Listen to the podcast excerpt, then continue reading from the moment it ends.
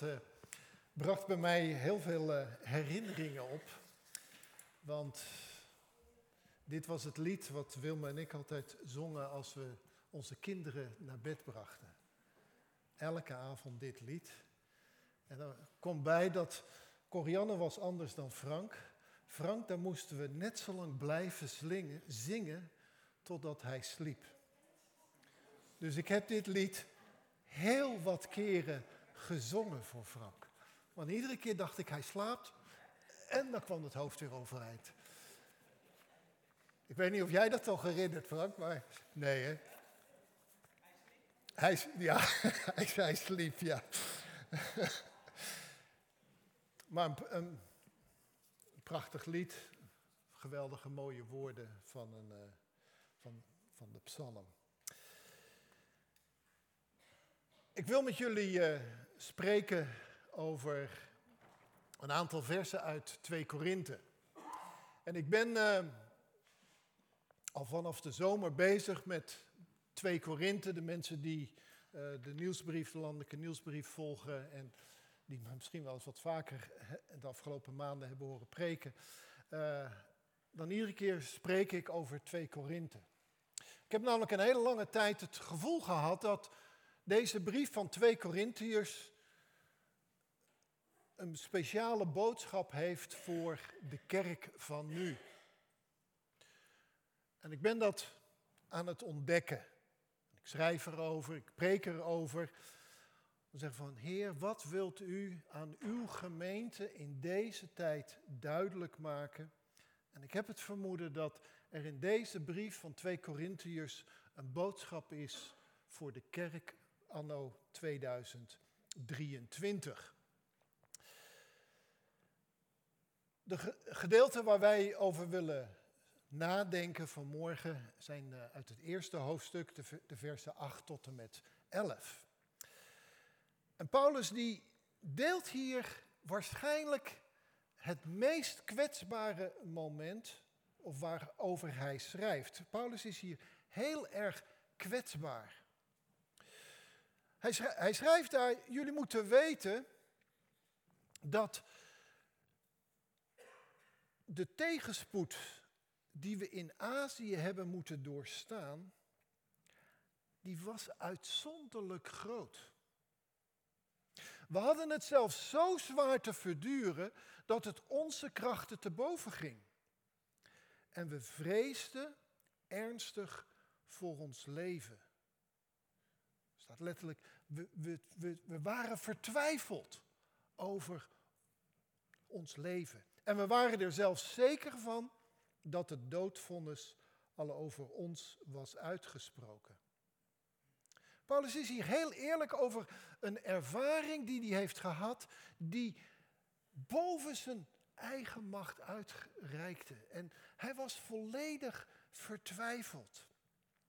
Het is gebeurd uh, waarschijnlijk in Efeze of ergens in de buurt van Efeze tijdens zijn derde zendingsreis. Paulus die was uh, vanuit Antiochië naar uh, Efeze gereisd en daar was hij een hele lange tijd. Waarschijnlijk iets van, van drie jaar. Hij is in die tussentijd heeft hij zijn eerste brief aan de Corinthiërs geschreven. Hij is toen nog eens een keer uh, snel overgestoken naar Korinthe. Dat was nou niet echt een heel positief bericht. Hij hoorde allerlei berichten ook uit Korinthe terwijl hij in Efeze was.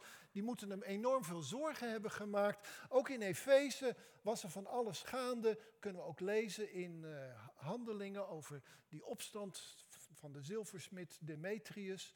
Uh, handelingen zegt het niet, maar het vermoeden is dat Paulus misschien ook toen ergens in die periode in de gevangenis heeft gezeten. We vermoeden dat de brief aan de Filippenzen vanuit de gevangenis in Efeze geschreven is. Dus het was drie jaar intensief en met enorme uitdagingen. Wat er precies gebeurd is, dat vertelt hij niet aan de Corinthiërs in deze wat ons de tweede brief is, maar het is eigenlijk al de vierde brief die hij aan die gemeente in Korinthe schrijft. Hij zegt niet precies wat er gebeurd is en dat willen we natuurlijk graag weten. Zo van, maar wat, wat was er dan? Nou, toch die interesse een beetje te, te, daarin uh, tegemoet te komen. Er zijn drie theorieën die steeds genoemd worden. Of Paulus die zat in de gevangenis. En dat hij echt dacht van ik kom hier niet levend uit.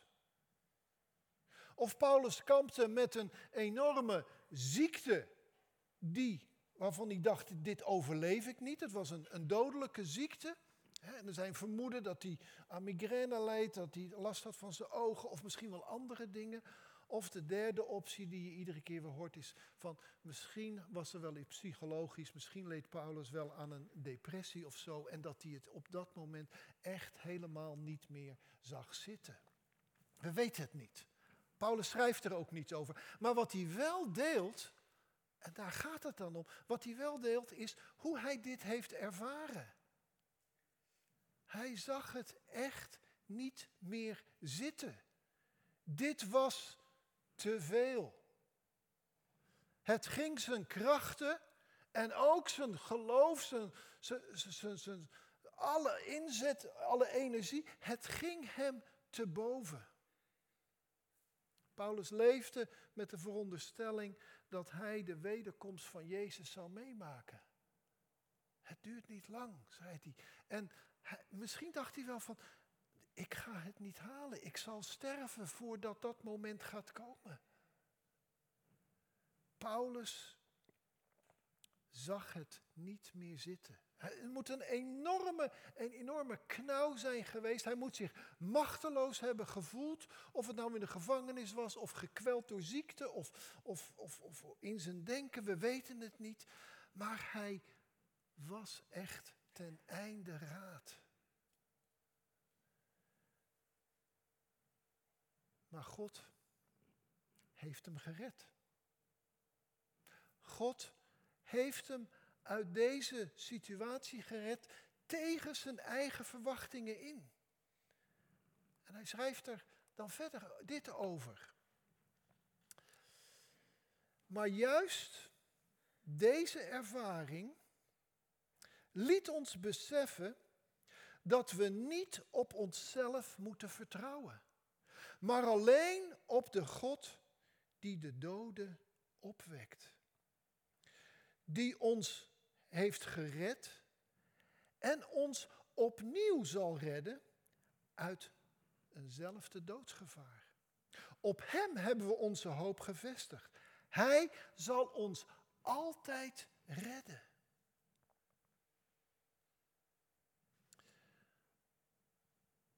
Paulus die zegt hij van, ik was niet ertoe in staat. Ik kon het zelf niet meer. Maar het is God die de doden opwekt. Die situaties die dood zijn. En als iets dood is, dan hoef je ook niet meer te verwachten dat er nog wat gaat gebeuren. En we kennen allemaal situaties waar je denkt van, en nu is het over en uit. Nu is er geen verwachting meer. Het, het gaat niet meer gebeuren. Dat kunnen situaties zijn in ons leven, of bepaalde verwachtingen die we hebben, of een bepaalde hoop, of misschien wel dingen waar we heel vaak voor gebeden hebben. En op een gegeven moment besef je, het gaat niet gebeuren. Het gaat niet gebeuren. Wat ik ook doe. En misschien hebben we daar wel met mannen macht voor gebeden. Hebben we er allerlei dingen voor geregeld en voor gedaan. En dat je zegt van we hebben er ons helemaal aan gegeven. En op een gegeven moment dringt het besef tot je door. Het gaat niet werken. Wat ik ook doe. Het gaat niet werken. Kennen jullie die situaties? Dat je echt een einde raad bent. Misschien wel in de opvoeding van de kinderen of misschien bepaalde situaties die je voorhoudt. Je zegt van, wat ik ook probeer om een kind te helpen, het werkt niet. Het is alleen maar averecht. En op een gegeven moment besef je, het gaat niet lukken. Dat was de ervaring die Paulus had. Het gaat niet lukken.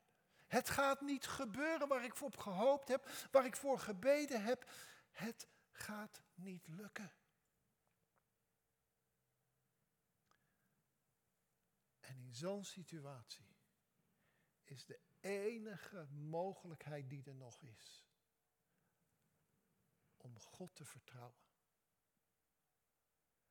En dan niet God vertrouwen dat Hij je de kracht geeft om het nog zelf te doen. Maar dat je God vertrouwt vanuit eigenlijk je eigen onmacht en zegt Heer, ik weet het echt niet meer. Ik zou het niet weten wat ik moet doen. Ik heb alles geprobeerd en niets helpt. En dat je dan, als het ware, met lege handen bij God komt en zegt, Heer, ik heb niks meer.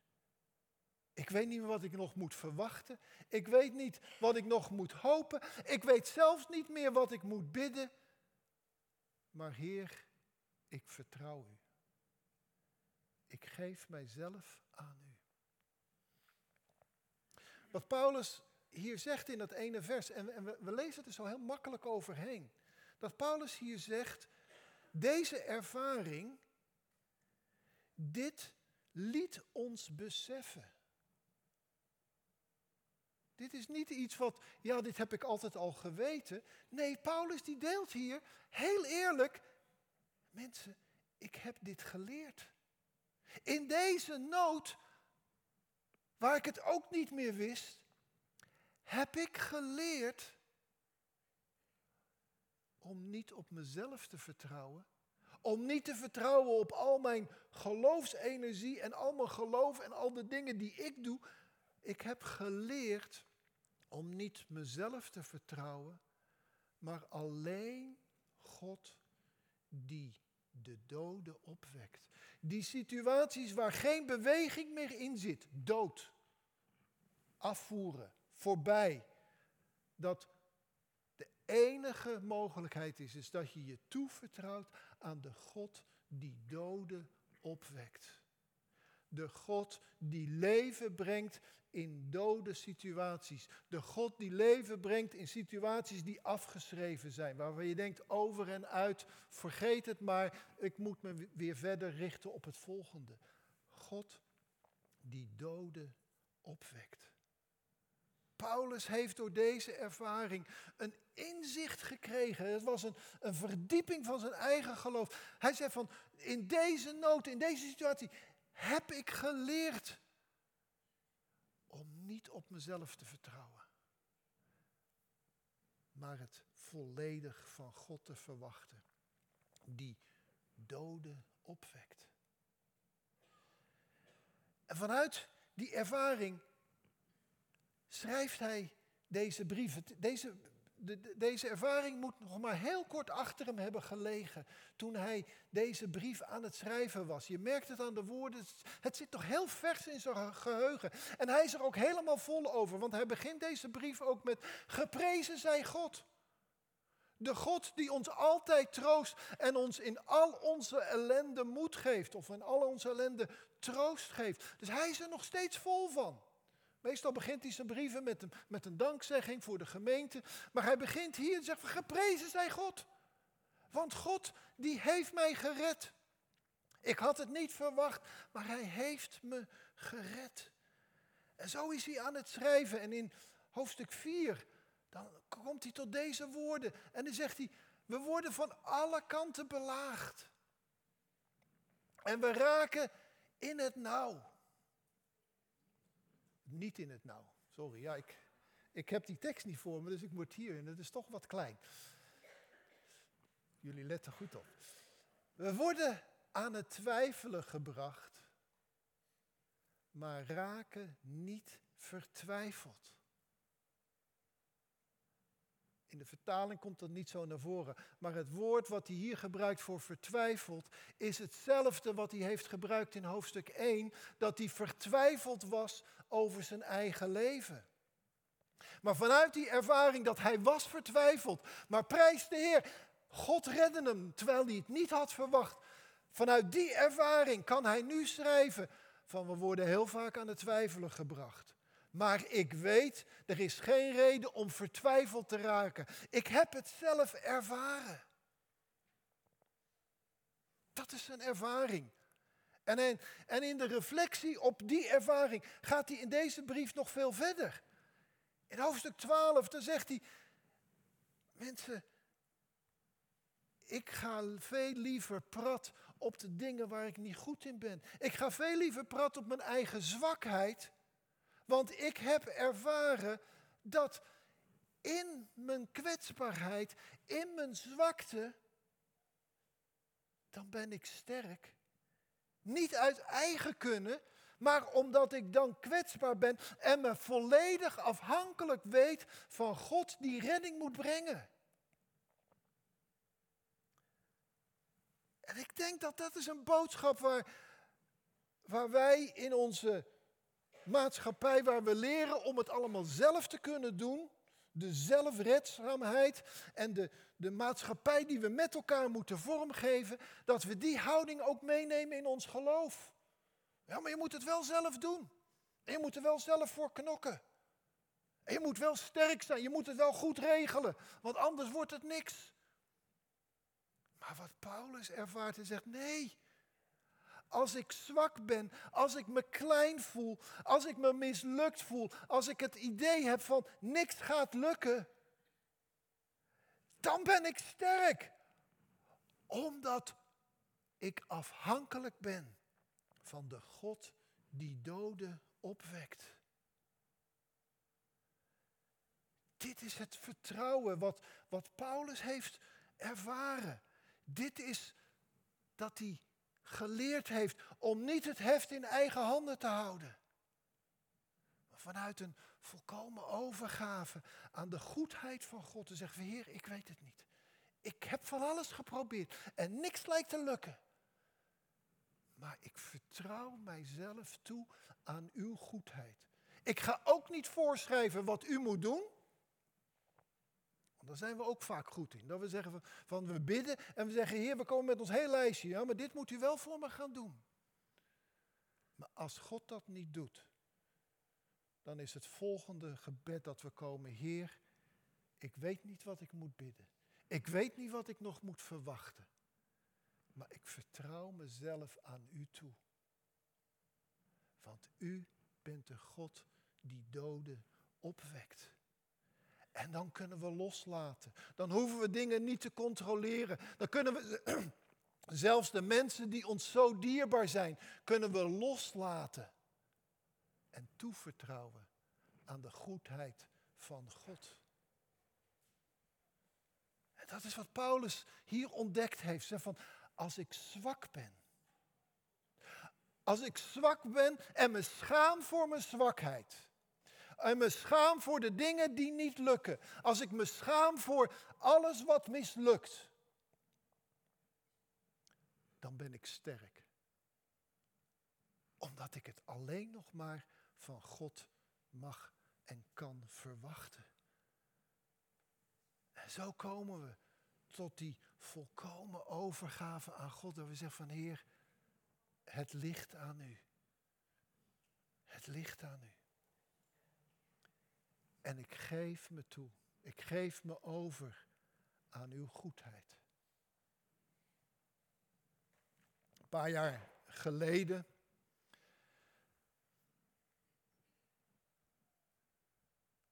Een paar jaar geleden toen uh, was een van onze gemeentes in ons district Breda. Daar ging het heel moeilijk mee. Uh, er waren allerlei problemen. En de voorganger die er toen was, die besloot te stoppen. Een kleine gemeente van hooguit 50 mensen. En er waren, conflicten, meningsverschillen. En de helft die ging weg. Ongeveer. Geleidelijk. En je denkt van er moet iets gebeuren. Er moet iets gebeuren. En dan denk je na, en ik dacht dan ook na, en op een gegeven moment uh, wordt er naar mij gekeken en zegt van nou, wat, wat gaan we doen, Antoni? En dan heb ik ook zoiets van, oké, laten we dan maar de koe bij de horens pakken en dan een goed plan opstellen, zodat er nog weer hoop geboden kan worden aan een, aan een kleine gemeente die verder gekrompen is. Na overleg hadden we, wat ik vond, een, een goed plan opgesteld. We zeiden van nou, dat gaan we zo doen, gemeente voorgelegd. Maar het plan werkte volledig averechts. De gemeente werd nog kleiner. Uh, die paar mensen op wie die gemeente nog draaide, die raakten volledig overspannen. Die, die, het was allemaal te veel, die konden het niet meer. En toen kwam ook nog eens een keer corona. En dan denk je echt van, Heer, hoe moet het nu verder met deze gemeente? En in deze periode kwam er een bod van een projectontwikkelaar naast de kerk. Die wilde een heel mooi project voor de binnenstad van Breda. Die wilde ons kerkgebouw kopen. We konden er goed geld voor ontvangen. En ook in het verleden hebben we al vanuit de landelijke kerk een paar keer Breda moeten ondersteunen, omdat ze het zelf niet rondkregen. Dus dan komt op een gegeven moment zo'n bot voorbij. En dan denk je, dat geld kunnen we heel goed gebruiken voor allerlei andere missionaire initiatieven. Dat kan heel goed ingezet worden. Maar het betekent wel, als we het gebouw verkopen, is het het einde van de gemeente Breda.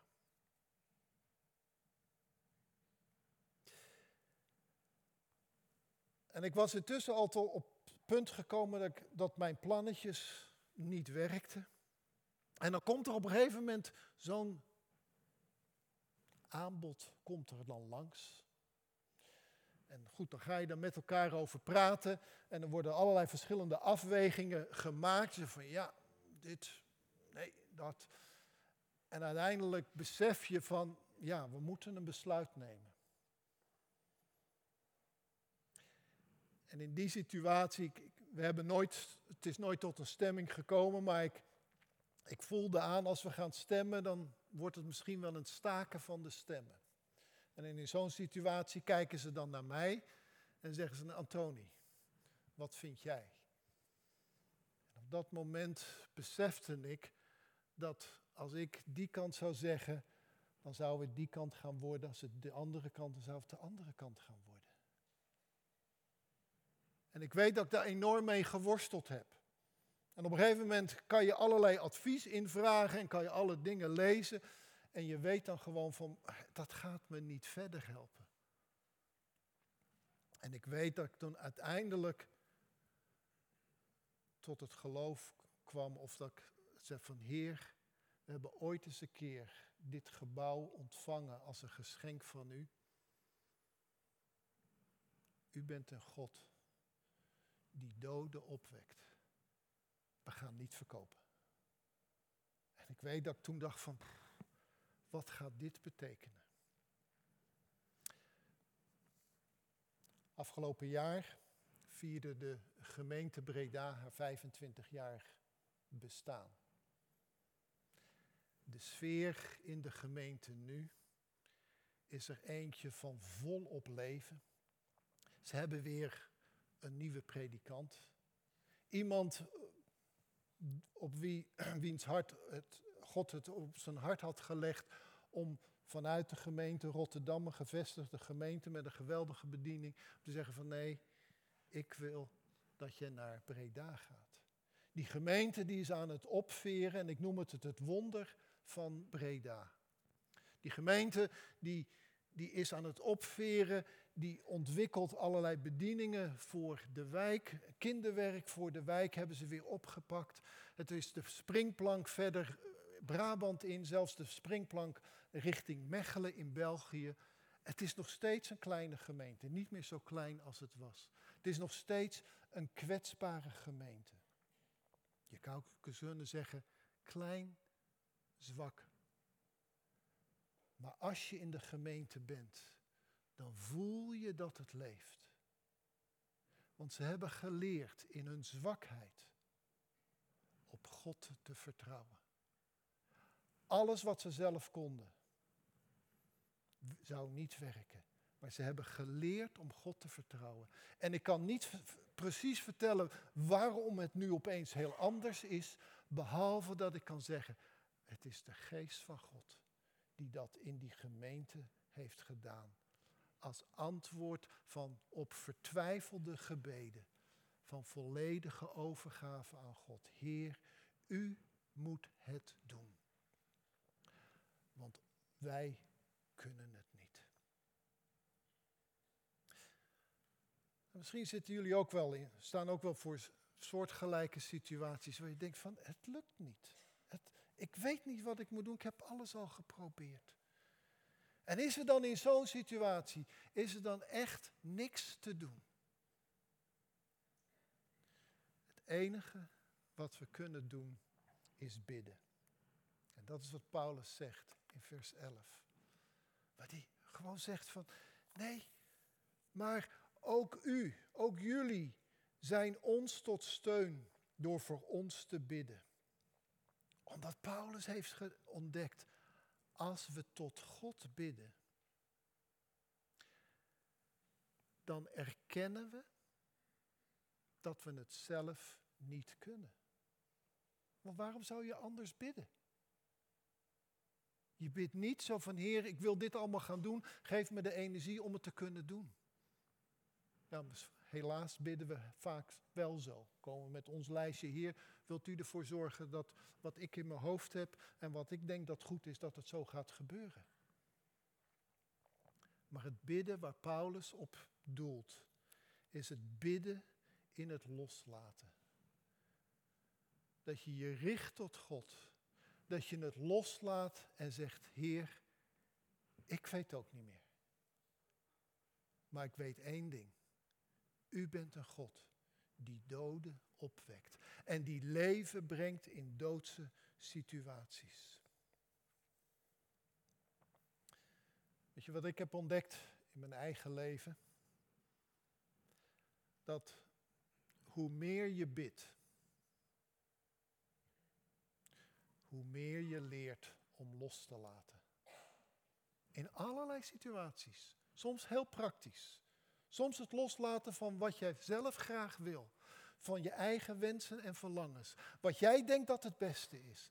Hoe meer je bidt, hoe meer je leert los te laten. Want je bidt tot de Hemelse Vader. Die doodse situaties tot leven brengt. En als je niet wil loslaten, maar als je de dingen wil blijven controleren, als je zegt, ja nee, maar dit vind ik en dit wil ik.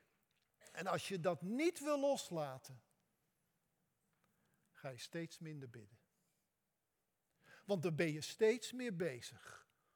En ben je veel te druk bezig om het allemaal zelf te doen. Wat Paulus hier ons leert, is bid. Bid, blijf bidden. Zodat je kunt loslaten.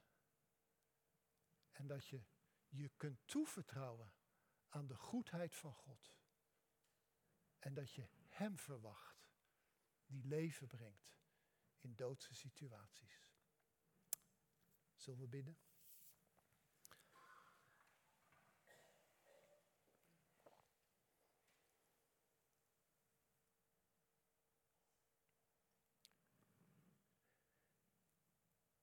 Hemelse Vader, we, we kennen die situaties in ons eigen leven, waar we zoveel geprobeerd hebben, waar we zoveel verwacht hebben, en dat het toch niet gebeurt.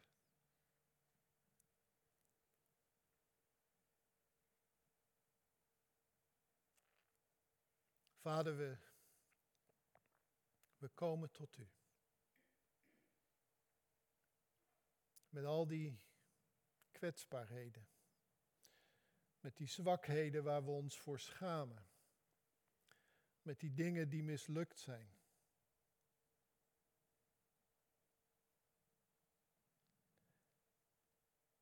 En we willen één ding doen. Ons toevertrouwen aan u.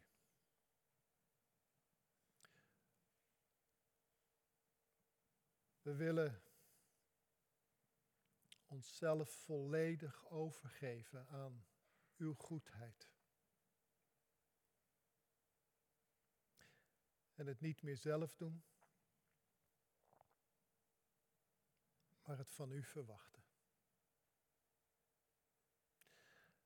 En we willen het van u verwachten. Ook als we totaal geen mogelijkheid zien. Als we het misschien al hebben opgegeven. Als we denken, dit is helemaal dood, dor, elk leven is eruit. Geen verwachting. Vader, ik bid u. Mogen we onszelf in die situaties toevertrouwen aan u.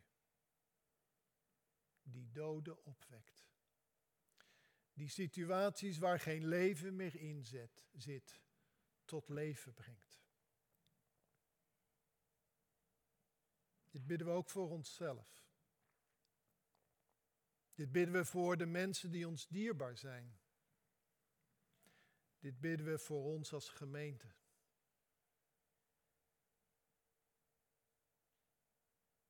We vertrouwen ons toe aan de goedheid van u, die in elke ellende ons moed geeft en vertroost, die leven brengt in de dood, zodat wat dood en afgeschreven is tot leven komt, tot bloei komt. Dat bidden we voor onszelf. Dat bidden we voor de mensen die ons dierbaar zijn. En dat bidden we ook voor ons als gemeente. In Jezus' naam.